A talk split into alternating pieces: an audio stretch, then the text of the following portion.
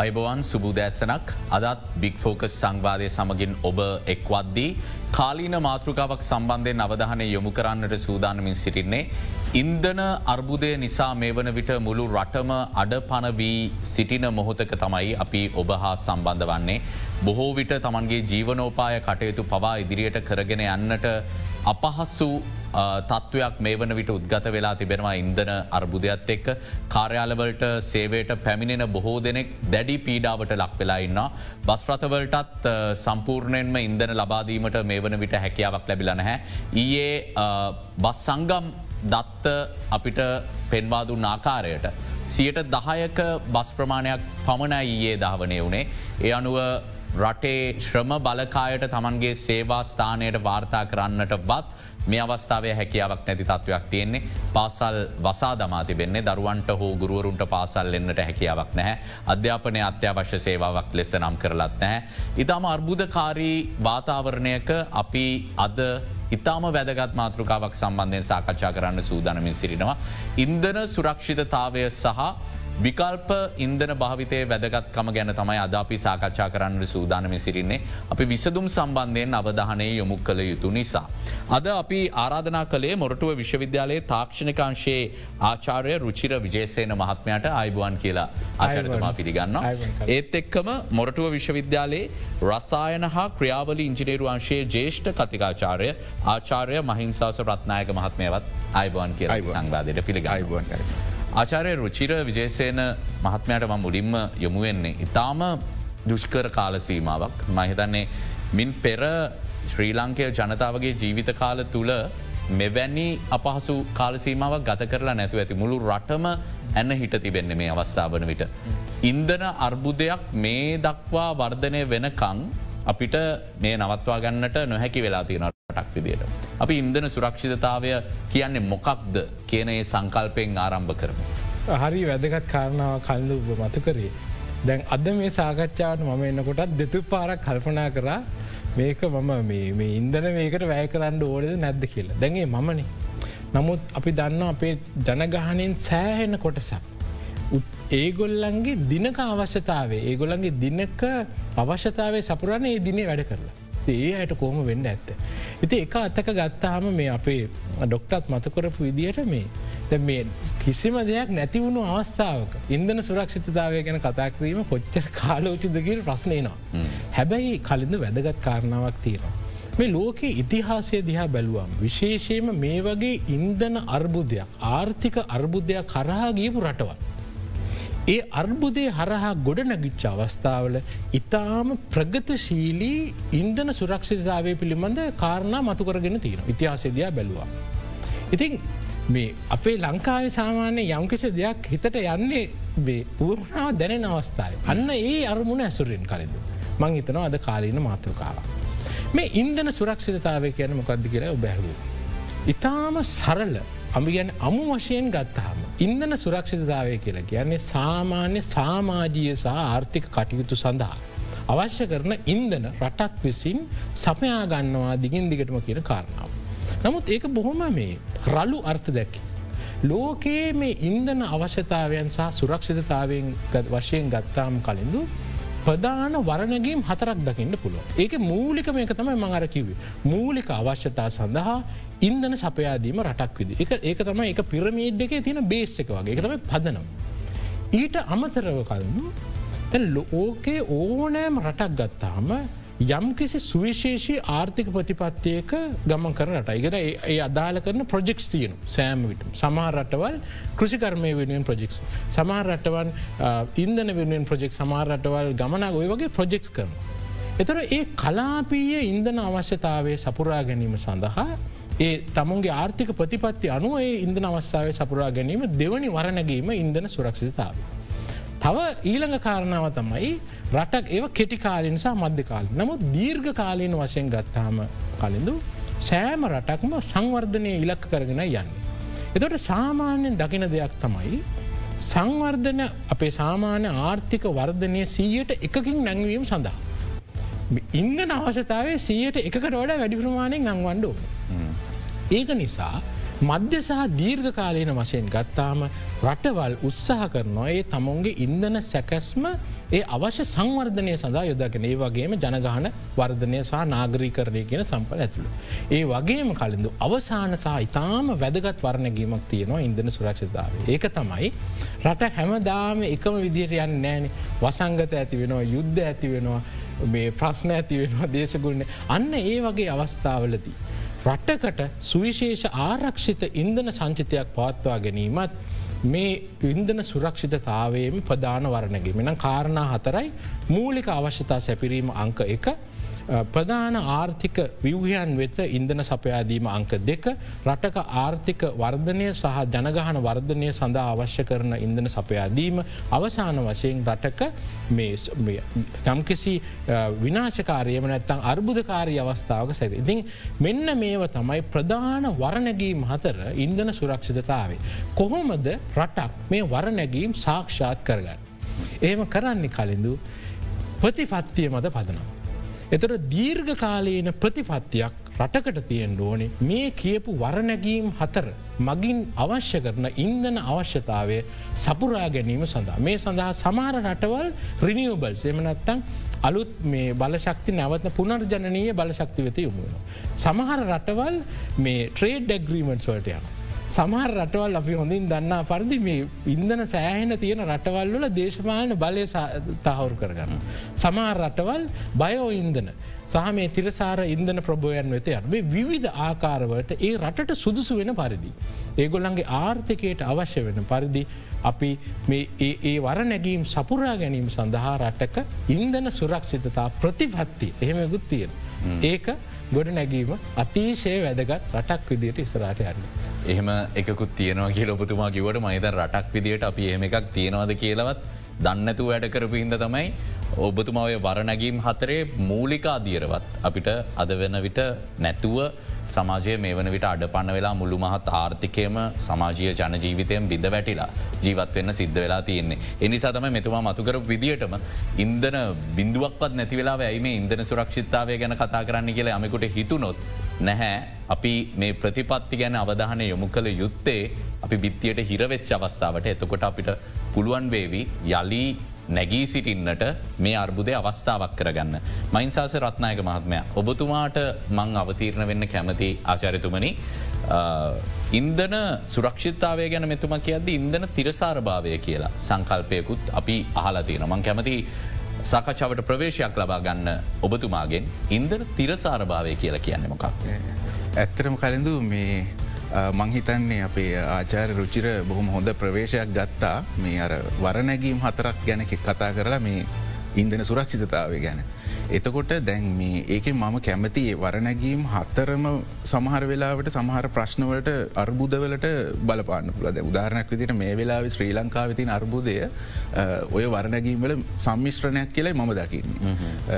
මං හැබැයි කැමති එතනින් අන්තිම කියපු හතරවෙනි වරණැගීම අර ඉන්දන තමුන් සතුව අර හදිසි අවස්ථාව ආරක්ෂිතතාව සඳහා භාවිත කිරීම සඳහා එක්කෝ පුනර්ජනනීය බලශක්තිය හෝ ඉන්දන සඳහා යොමුවීම හෙම නැත්තං තමන් සතුව ඉන්දන සංචිත රැස් කර ගැනීම ඒ පිළිබඳ බලය ආධිපත්‍ය පතුරා ගැනීම ඒ වගේ ගොඩක් දේවල් නිසා ඒකට විසඳුම තමා ඇත්තටම මේ තිරසාර ඉන්දන සිවල තිරසාර බව එහම අප ඉංග්‍රීසියෙන් කියනවා ෆුවල් සස්ටේනබිලිටි කියලා.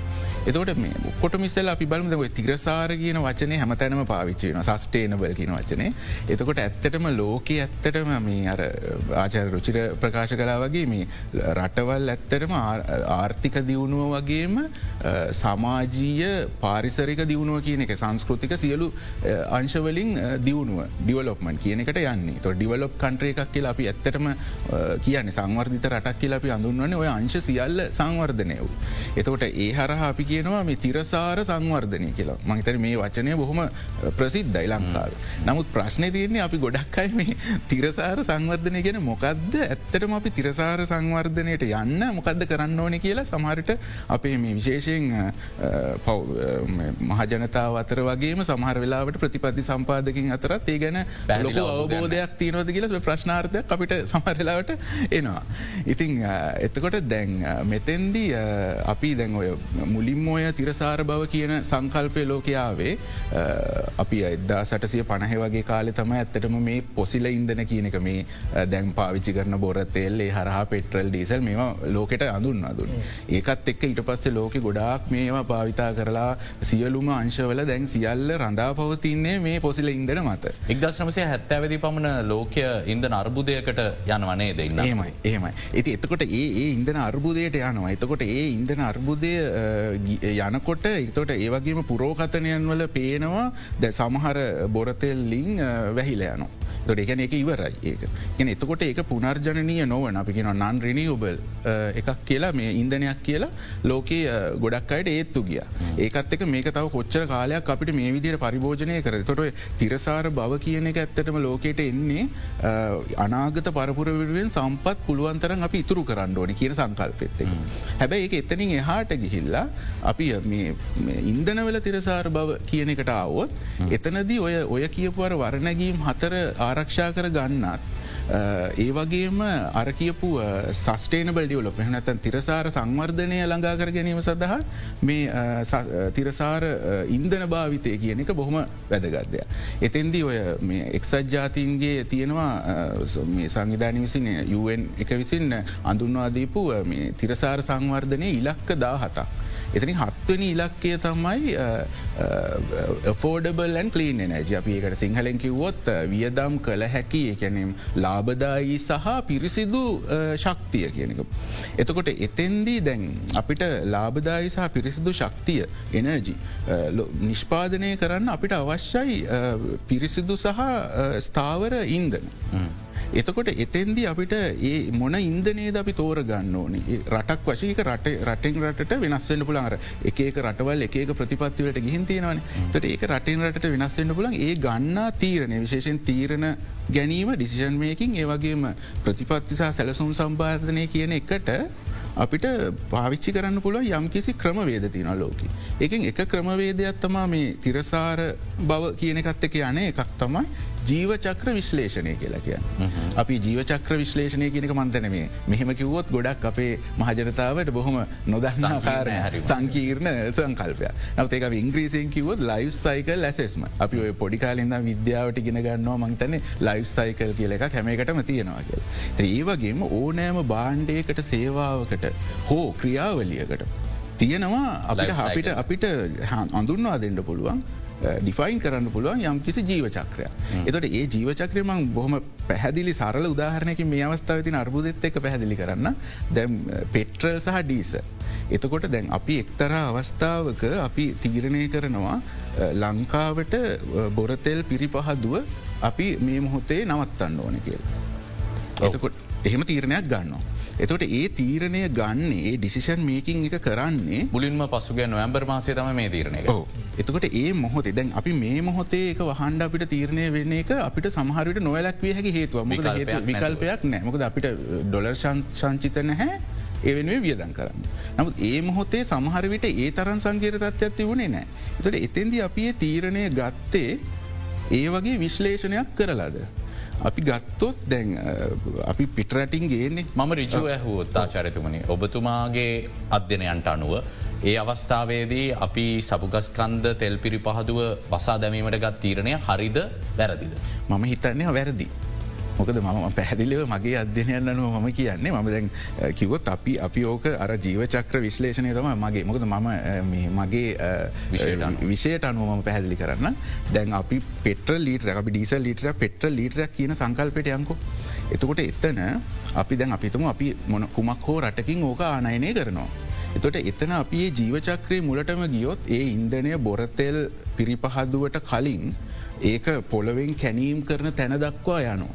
තට පොළවෙන් කැනීම් කර තැන දක්වා ඊට පස්සේ පිරිපහදුවකට ගේනවා. එතෙන්දී අපිට සමට ප්‍රවාහනයක් වෙන්ඩ පුළුව ඊටසේ ඒ පිරිපහදුවෙන් පිරිපහදු කරපු ඉන්දනය ඩීසල් කියමු. ඒ ඩීසල් ලීටරේ අපි ඊට පස්සේ අපි ලීටරයක් කියනක හිතම. නමුත් ඇත්තටම වෙන්නේ ටොන් ගනන් වලින්. එතොට ඒක ප්‍රවාහනය කරනවා අපිහිතම මොකක් හරි වරායකට. ඒ වරායි නැවකට ඒක මේවා කරලා අපිතුම මෙට්‍රෙක්ටොන් හතලෙස් දාහක නැවක ඔය ඩික ඩීසල් ලීටරයක් නවා ම මේමකද අන්තිම ඩීසල් ලීටරේ ගැන හිතාගෙන එන්න මේක මේ තේරුම් ගන්න. එතකොට ඒ නැවෙන් ආපු එක අපි මෙතන තියලා ගන්නවා. ඒ ගත්තහම ඒකත් ඊට පසේ අපිට ඩිස්ට්‍රිබියුට් කරන්න ඕන මේ එම අපි බෙදාහරින්ඩ ඕනේ අපේ පිරවුම් හල්වලට. ඒ පිරවූම් හල්වල දක්වා බෙදා හැරියට පසේ ඒ ඒ ගත්ත ඉන්දන ලීටරේ පාරිභෝගකය අරගෙන එයාගේ වාහනේ ඒක යා උපරිම කාරක්ෂමතාවෙන් පාවිච්චි කරනවාද. කියන තැන දක්වා මේ ජීවචක්‍රය අපිට විශ්ලේෂණය කරන්න පුළුවන්. තට එහෙම කරලා බැලුවොත් අපිට එතනද අවස්ථා දෙකක් මේ ලංකාව සමඳමකද අපිට අපි අපේ රට ගේන තැනට කලින් හරි නිෂ්පාදනය කරන වෙන රටේදි කරන ක්‍රියාවලි අපිට පාලනය කරන්න බැයි අපේ පාලනය වියුක්තයි. එත අපිට පාලනය කරන්න පුළුවන් එක තම මෙතෙන්ට ආවාම අපිට මොකක්ද මේකට කරන්න පුල ඇත එතෙන්දී අවස්ථා දෙකක් කෙනවා පිරිපහදු කරලා එන එක සහ කෙලින්ම ගෙනල්ල අපි බෙදාහරිණ. පිරිපහදු කරලා මේවා කරනකෙද අපිට ගොඩා කතුරු පලයනවා. එතෙන්දි ඒ අපි භාවිත අපි අපි වැය කරන අනිකුත් ඉන්දන. අපි ඉන්දන ප්‍රමාණය වැය කරන ඉන්දර ප්‍රමාණය අරකට සාපේක්ෂ ගොඩක් අඩුවක විශ්ලේෂණය කර ඕනමකට සරලවත් තේරුගන්න පුළුවන්. එතට එතෙන්දි අපි නිකං අවසානය හිතල බැලුවොත් නිකං ගණනය කිරීමකට ලක්කරොත් එක ඉන්දන ලීටරයකට ලීටරයක් මේ පාරිභෝගිකයාට ලැබීම දක්වා අපි ඒ ඉන්දන ලීටරේ වෙනුවෙන් වැෑකරපු ඉන්දන ලීටර ප්‍රමාණය කොච්චරද කියලා. එතකොට අපිට හොයාගන්න පුළුවන් සමහරිට අපි නැවක් ගෙනල්ලා ගොඩ වෙලාව බලාගෙන ඉඳල් දවස් ගානක් ඒකට ඊට පස්ස අර ප්‍රමාද ගාස්තුත්ගේ වෙලා එතට ඕක කොස්ට එකටත් අපිට කැල්කුලේට් කළ බලන්න පුළුවන්. එතකොට ඇත්තටම කොච්චර ලාබදායිද පිරිපහදුවකට ගෙනල්ලා පිරිපහදුවෙන් ගැනීම කියන එක හරහා මෙතන තිබ්බ මේ අපිට ලැබ ඉෆෙක්් එක එමනත්තම් මේක තිබ බලපෑම මේ තරම් මේ ප්‍රශ්නය උද්ගත වෙන එක වලක්වා ගන්නට යම්කිසි සහනයක් ඒ හරහා හරි තීරණ ගැනීමෙන් ගන්න තිබුණ කියනකත ම හිතන්න. හොද අපි තවදුරටත් මේ පිරිපහදුවේ වැදගත්කම සහ එවෙනුවෙන් ගතයුතු ප්‍රතිපත්ති තීරණ ගැන කතා කරම. ආචාර රුචිර විචේසයන මහත්මයා. දැන් අපේ රටෙත් ක්‍රියාත්මක උනත් නැතත් ප්‍රතිපති ප්‍රකාශවල මේ බලශක්ති ශේෂත්‍රය පිළිබඳව හැමදාම පරිච්චේදයක් ලියවෙනවා. වර්තමාන ආණ්ඩුවේ ගත්තමත් පුනර්ජනනීය බලශක්තියට සියට හැත්තෑවක් යොමුවීම වැඩි වශයෙන් විදුලි මෝට රත ආනෑනය කරලා ඉන්දන පිරිමැස්මෙන් භාවිත කිරීම සඳහා යම්කිසි ප්‍රතිපත්ති යෝජනා ඉදිරිපත් කළ තියෙනවා.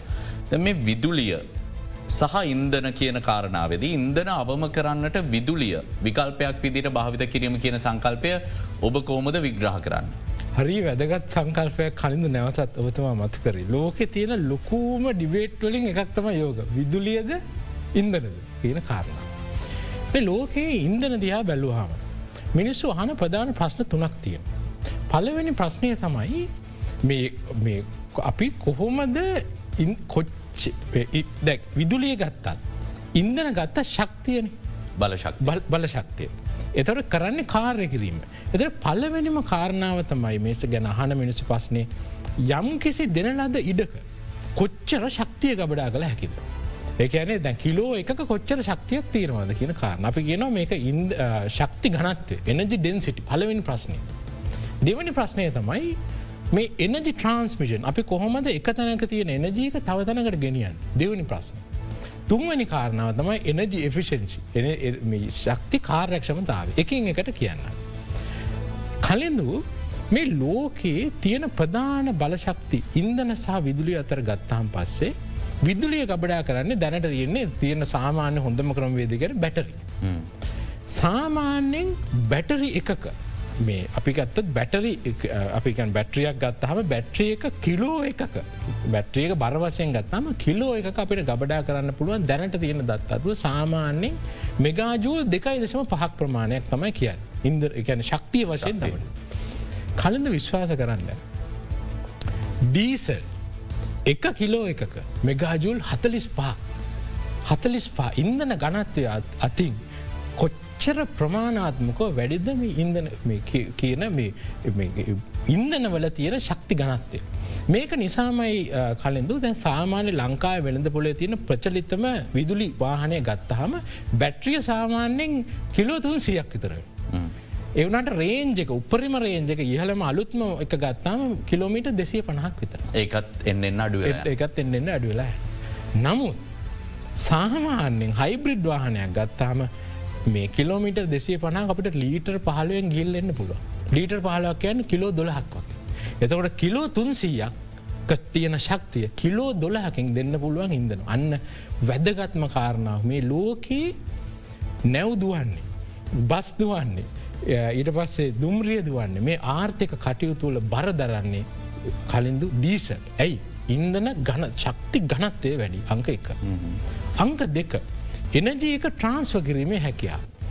බැට්‍රියක් චාච් කරන්න කාලය යනවා. වාහනයක් ඒ වෙනුවට ඉන්දනයක් වාහනයක් ගෙනල් ගත්තාම මිනිත්තෝක ඇතුළට ආය රීචාච් කර ඒ කාලෙනෙම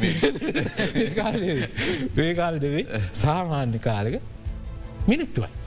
ශක්තිය ට්‍රන්ස්ව කිරීමේ හැකිය. අංක දෙක අංක තුන කලෙඳු. මේ අවුරුදු සිය ගානක් මේ ලවෝක මිනිස්සු තියෙන අපි ලෝක තියෙන හොඳම මොල දැම්මනං. ඒක දාපු එක ඉන්වෙන්ශන ඇත්තියෙන අපි කියන අභ්‍යන්තර දහන එංජිම. අභ්‍යන්තර දහන එන්ජිම තරම් මිනිස්සු වැඩකරපු වෙන ඉන්වේශනය නැතිව ඇති. ඔප්ටිමයිස් කරලා ප්‍රගුණ කරලා කරලා කරලා කරලා ඉහලම තලයකට කානට ෆිෂන්සි ගත්තාම ඉහලම මට්ටමකට ඇවිල්ල තියෙන ගැන් තීරටිකලි ගණඩ පුලන් එෆිෂන්සිකට සෑහන ළඟට ඇවිල තියෙනවා කලින්දු. එතකොට ඒක වැඩ කරන්නේ ඉන්දනවලින්. එහෙනම් කලින්දු. රටක් ඉන්දන සුරක්ෂිතතාවේ සඳහා. මේ අනාගතයේ මේ බැට්‍රිය එක තියෙන එනජිඩෙන්සිටික වැඩි වෙන තා කල් හෝ අඩුම වශයෙන්. ඉන්දන අතිශය වැදගත් එම නැතුව ආර්ථිකය දුවන්ඩ බෑ. ඒක නිසා අපිට අවශ්‍ය වෙනවා පොසිල්ල ඉන්දන යම් ප්‍රමාණයක් තියෙනවද ඒක දැන් අපි දන්න හැම අඩු වෙලා යනවා. ඉතින් ඒ සඳහා ඒ පොසිල ඉන්දන වලින් ඒ අඩුවීම සහයේ මිලෙහි වැඩිවීමට සාපේක්ෂව. රටක් විදිහට ප්‍රතිපත්තියක් අවශ්‍ය වෙනවා ඉන්දන මත පදනම්. මේ ලික්විඩ් ඉන්දන මත පදනම්මෝ ක්‍රියාත්මක වෙන ප්‍රතිපත්තියක් අතීචය වැදගත්. ම දන්න ලංකාය තිනාද කියලා. නමුත් රටක් විදිට අවුරුදු දහයක් ඉස්සරට බැලුවොත් ඒක නැතුවන ගමන් කිරීම.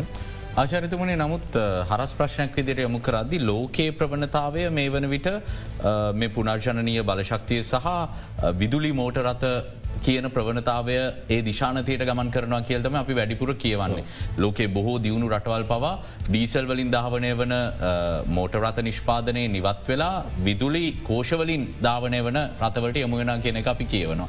ලංකාව ගත්තත් තියෙන විවාදය තමයි පොසිල ඉන්දනවලින් ඔබතුමා කියන විදියට අඩු ඉඩක වැඩි බලශක්තියක් ගබඩා වනාට මේ සදා විදේශ විනිමය පෑ කරන්නට සිද්ධන අපේ රටේ නැති නිසාතේල්. ඊට පස්සේ අපේ රටේ තියෙන ස්භාවික ප්‍රභවයන්ගෙන් පුනාචනනීය බලශක්තියෙන්. අපිට පුළුවන්න රට තුළ මේ මෝටරත්ත ධාවනය වෙන්නට අවශ්‍ය ඒ ප්‍රභවයන් රටෙන්ම ලබා ගන්න මේක ලාබදායි කියලා. කෝමද ඔබ මේකට ප්‍රතිචාර කාරණා තුනකින් පැදිලි කරන්න. ඔබ කියන එක ඇත්ත. මේ අපේ අනාගතය අවුරදු පනාක ඉස්සර අනාගතය අපි බැලුවහම විදුලිය තමයි. ඒක ගැන විවාදයක් නෑ. නමුත් දැනට තියෙන තත්ත්වය තමයි කලෙදු තියෙන බොහෝ බැට්‍රි පොබෝවල මේ තියෙන මේ ප්‍රායෝගික එනජි ඩෙන්සිටි අඩු. නමුත් තීරටිකලි ගත්තාම ඉතාම ඉහල එනජි ඩෙන්සිටි සඳහා යන්ඩ පුළුවන්. අනිවාරය මට තන් තව අවුරුදු දහයක් විස්සක් ඇතුළට මේ අර්බුදය අපිට තාක්ෂණික වසයෙන් ගොඩනා ගණඩ පුළුව. ඒක නිසා අනිවාරය මේ සටන ලොකු අවස්ථාවක් තියෙනවා විදුලේ විසන් ජයග්‍රහණය කිරීම.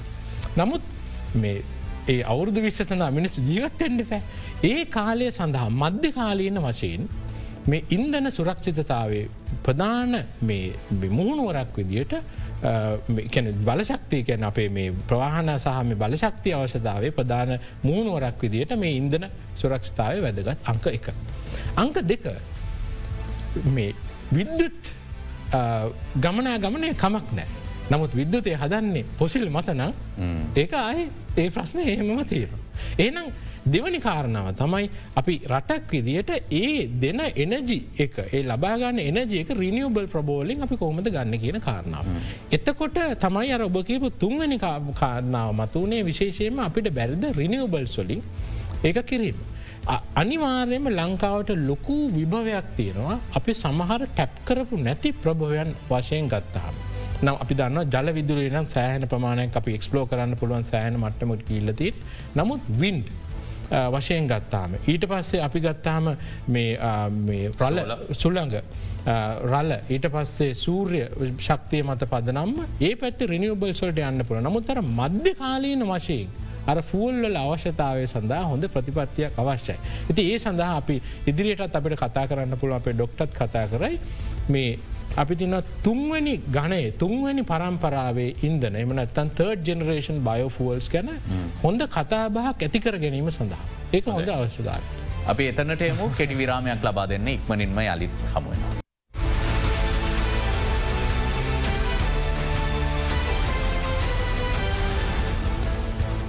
ආචරය රුචිර විජේසන මහත්මය දැන් විකල්ප ඉන්දන ගැන කතා කරද අපේ අද සාකච්ඡාව කාරමුණක් තම මේ විකල්ප ඉන්දන ගැන තියෙන සාකච්ඡාවට යමක් එකතු කරන එක.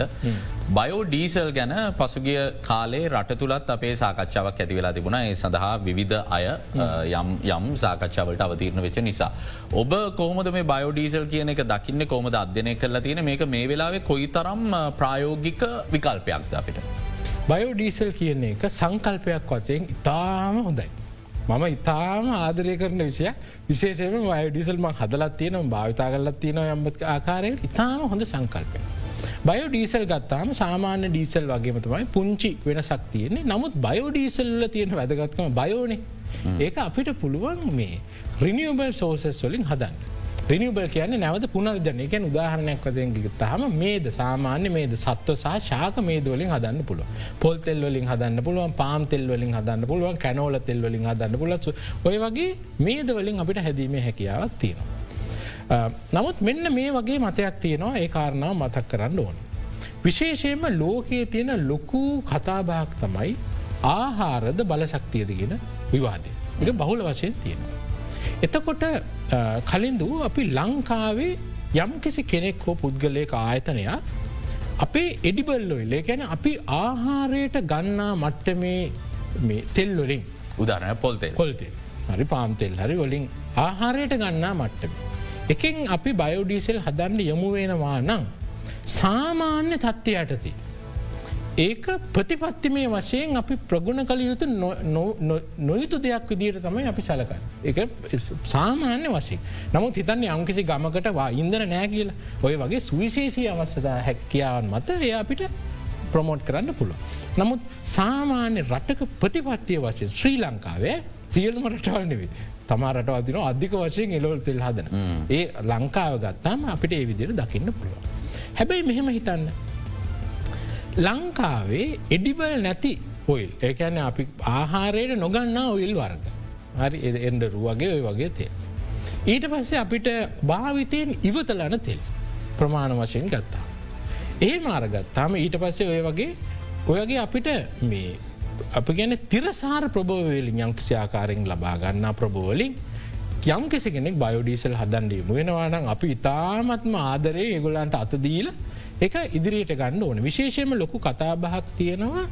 භාවිතයෙන් ඉවත් කරන තෙල්වලින් අපි කෝමද බයිඩිසල් හදන්ද ලංකාවේ සාමාන්‍ය එඩිබල් ඔයිල්ල් සියලුම ආහාරයට ගන්නා තෙල්වල අවස්ථාවය මෙට්‍රික්ටොන් දෙලක්ෂ හැට දහක් විතර වෙන වාර්ෂික වාර්ෂික අවශ්‍යතාවය. තර ලංකාවේ දැනට හදන්නේ අපේ භූමිය ඇතුළේ හදන්න මෙට්‍රික්ටොන් ලක්ෂයක් විතර. විශ්වාස කරන්න කලින්තු එක් ලක්ෂ හැටදහක් අපි ඉම්පෝට් කරනවා ඩොලර් දීලා.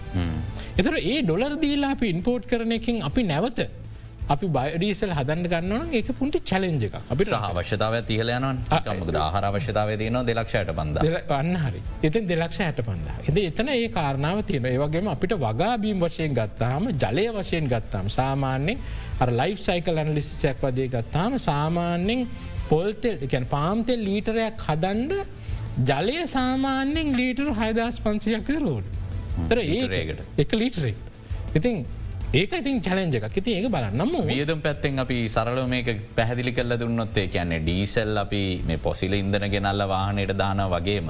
බයෝඩීසල් ලාබදායිද. දැනට අපි ඉන්පෝට් කල්ල හැදුවත් කල. අපි මේ පොල් තෙල් හරි පාම් තෙල් හරි ගෙනල්ල හැදුවත්. ඒ වගේම මෙතනෝලුත් මේකට අවශ්‍යයි සෝඩියම් හයිඩරොක්සයිඩ් හරි පොටැසි ඒ සේරම ලංකාව හැදන්න ගෙන්. සාමාන්‍ය දැනට තියෙන ඩොලරේට් එක සහ දත්ත අනුව සහ ලංකාවේ ඩීසල් විකුණන මිල අනුව ගත්තහම අපිට පේන දෙයක් තමයි සාමාන්‍ය රුපියල් පන්සීයකට වගේ හදල දෙන්න හැකියාවක් නෑ. ලාභයක් සහිත. ඉතින් ඒ කාරණාව දැනට තියෙන දත් අනුව අපිට කියන්නගෙන ගෙනල්ල හදනෙක්. නමුත් මෙන්න මෙහෙම විභවයක් තියෙනවා. භාවිතයෙන් ඉවත් කරන පොල්තෙල් දැන් හිතන්ට ඔය ඔය අර මෙට්‍රික්ටොන් දෙලක්ෂ හටදායින් සාමානය ලක්ෂයක් විතර යන ගෘහශ්‍රිත අවශ්‍යතාවේ සඳ අපිට කණ්ඩ බදින්ඩ කෑම අදන්න ඔය වගේ. ඉතුර එක්ලක්ෂ හැට දා සාමාන්‍යෙන් යන ඔය මේ බිස්කට් හදන්න කේක්වලට මාජරින්වලට ඔය වගේ වැඩවට.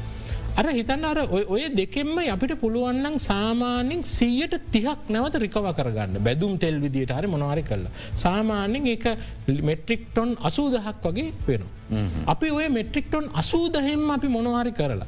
මම ඉතාම් ස්වභවාධි දත්ත ගන්නේ.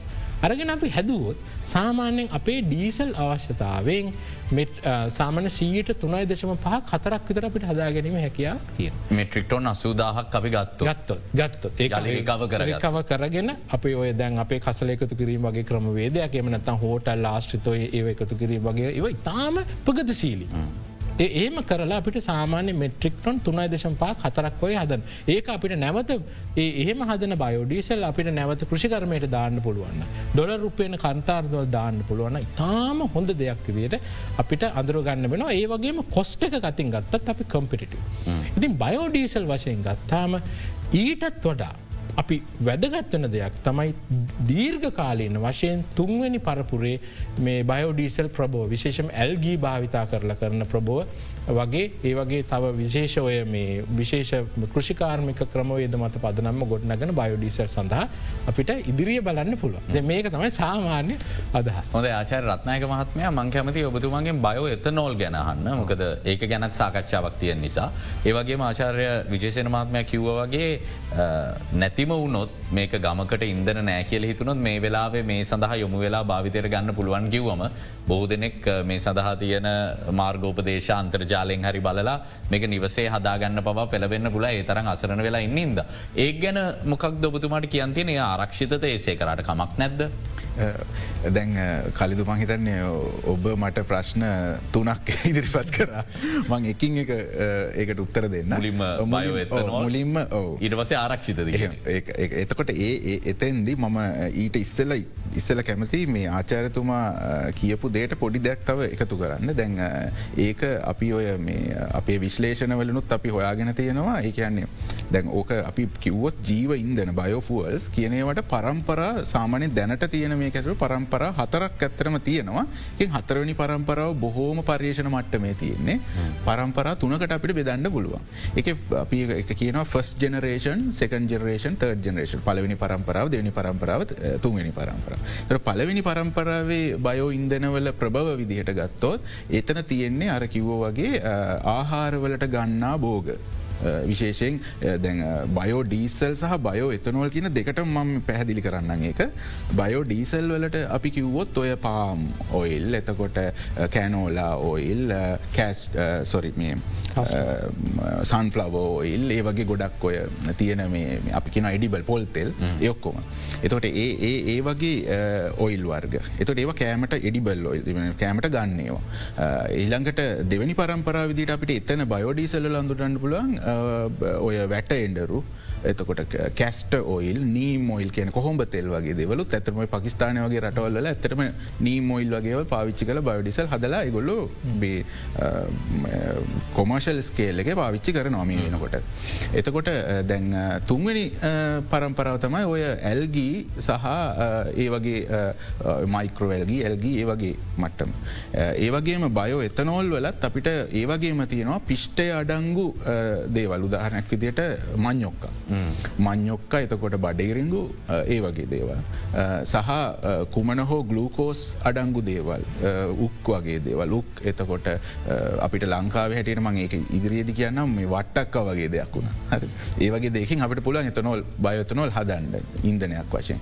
එකත පලවෙනි පරම්පර ඉළඟට දෙවැනි පරම්පරාවට යනකොට එතන තියනවා අපි කියනවා ඔය මේ ඉවත් වෙන එකන අපේ කෘෂිකාර්මික මට්ටමින් ඉවත් වෙන රෙසිඩියස්. අපි ද්‍රව්‍ය උදාහරනකිතට අපිගොත් දැවී අපිට හාල් ගණ්ඩ පුළුවන් ඇතරම් පලවෙනි පරම්පරාව කියලා එතනොල් හදන්ඩ හාල්වලින් එතනොල් හද නොමයිද ලංකාවත් හදනවා.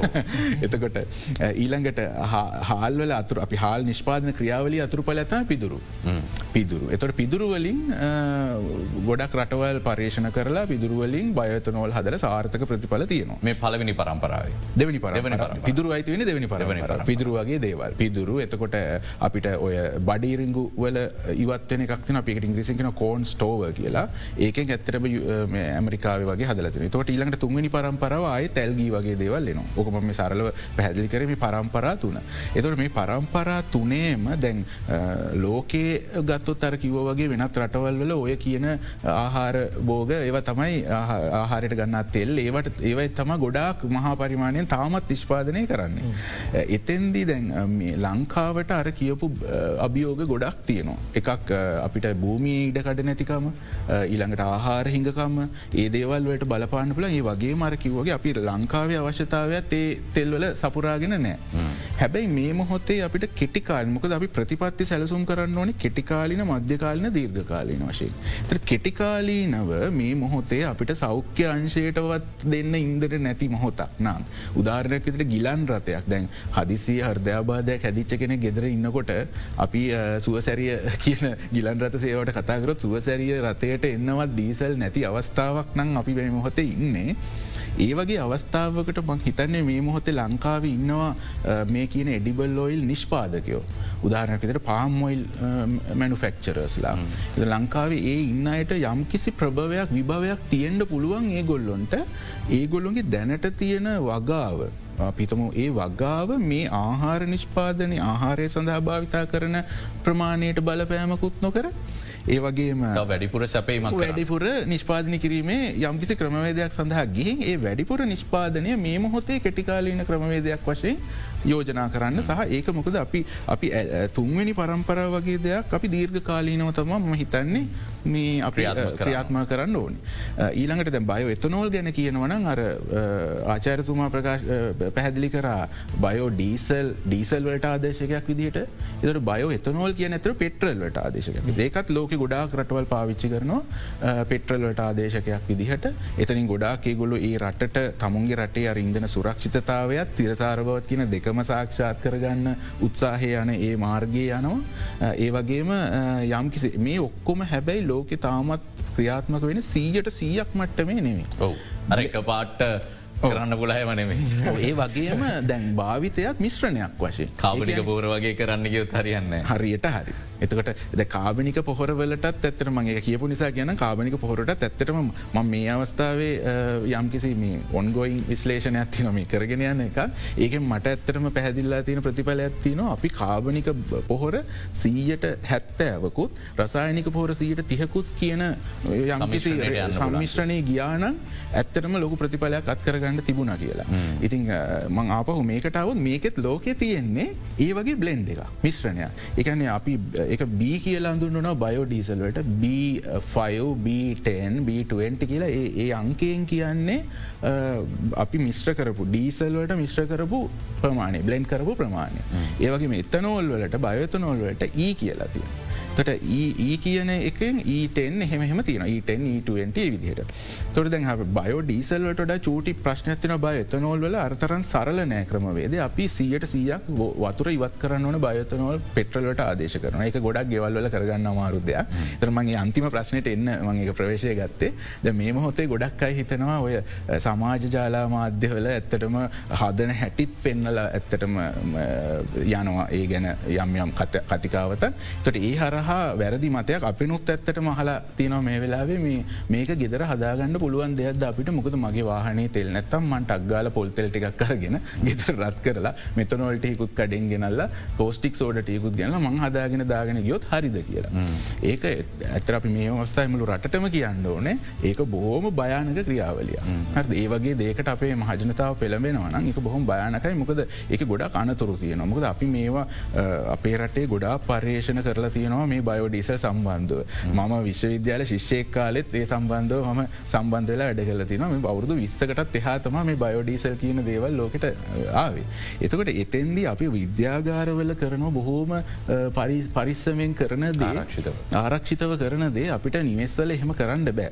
එතට ඔයි මෙතනෝල් වගේ දෙයක් ඇත්තටම ගත්තොත් ඒව ස්ප්‍රීතු මට්ටමේ තියෙන්නේ. එව බොහෝම විශසහිත දෙයක් පොඩ්ඩක් හරි හදිසිය එක කැවුනත් තර මරණය පවා අන්ද වෙන්ඩ පුළුවන්. ඇසට යවන ඇති ඒවගේ ඒවත් එක්ක මේ වෙලා එහෙම හදන්නයනය අපි විශේෂයම කියන්නට මහ නිර්දේශ කරන්න නිර්දේශ කරන්නේ නෑ ඒ ඒ වගේ දේවල් අපි ක්‍රියාත්ම කරනවන අපි යනවනම් බයෝඩීසල් බයෝතනවල් වලට රටක් වශය රටක් විදියට යම් කිසි ප්‍රතිශතයක් අපිට අනිවාරය අනිවාරයම බයෝ ඉන්දන හරහා සපුරාගන්නට සපුරාගන්න හැකියාව තියෙනවා. ඒ ගැන ප්‍රතිපත්ති සම්පාධනය කරලා ඒ සඳහා අපි මුලින්ම ඇතම දත්ත මත පදනම්ව. මං මේක මහිතන මේක මේ වචනයමන් සොරාගත්තේ අපේ ආචාරය රුචිරකින්.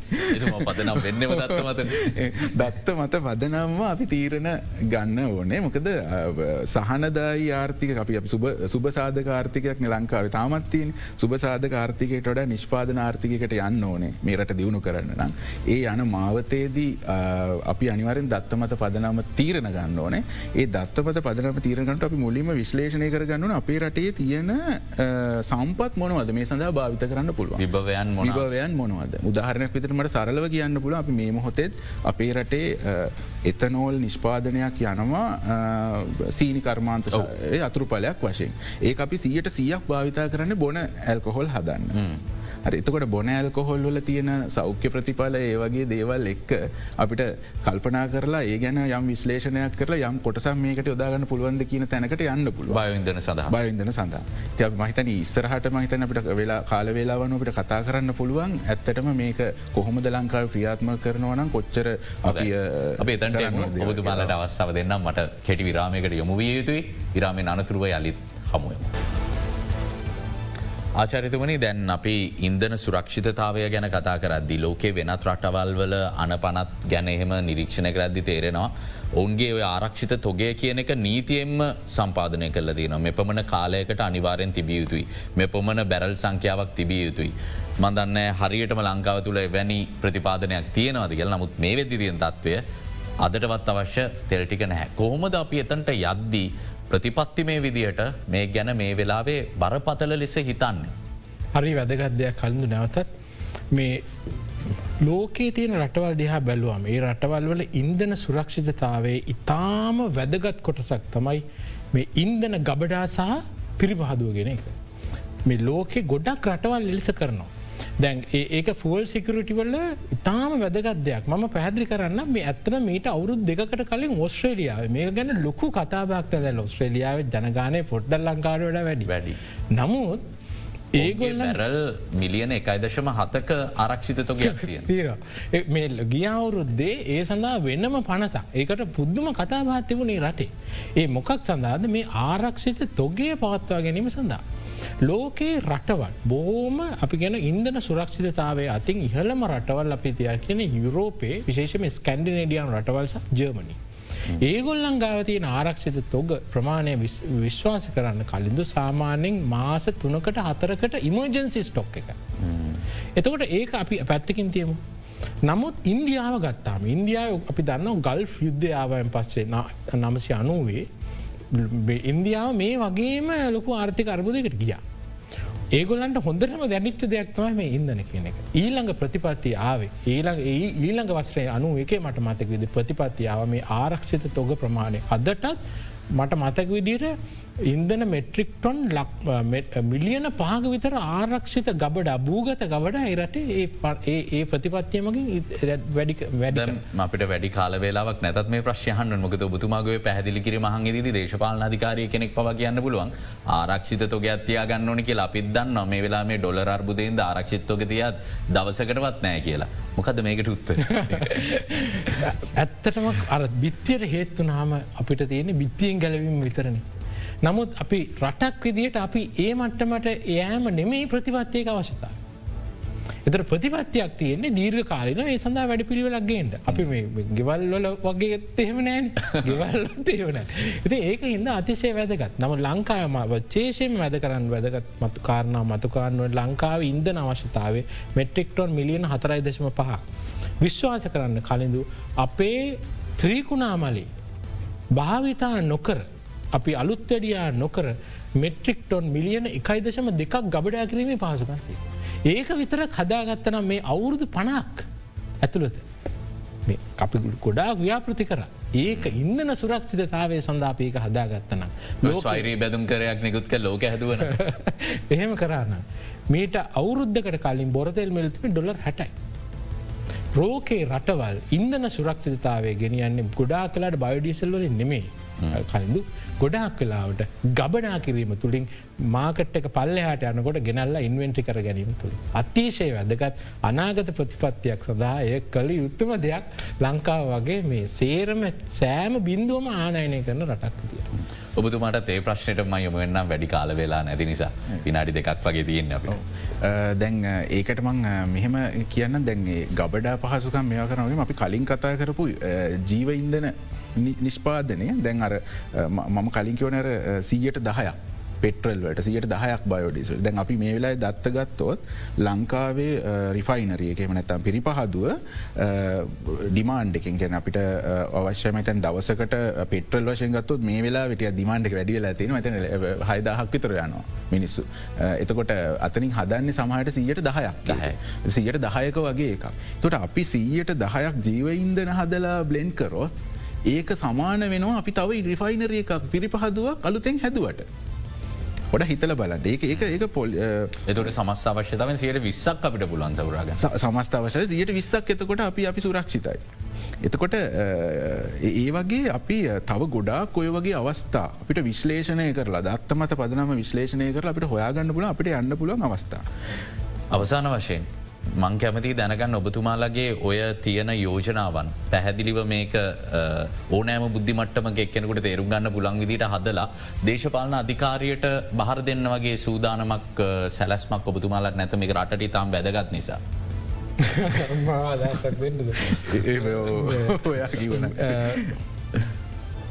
අපි විශ්වවිද්‍යාල ගුරුවරු.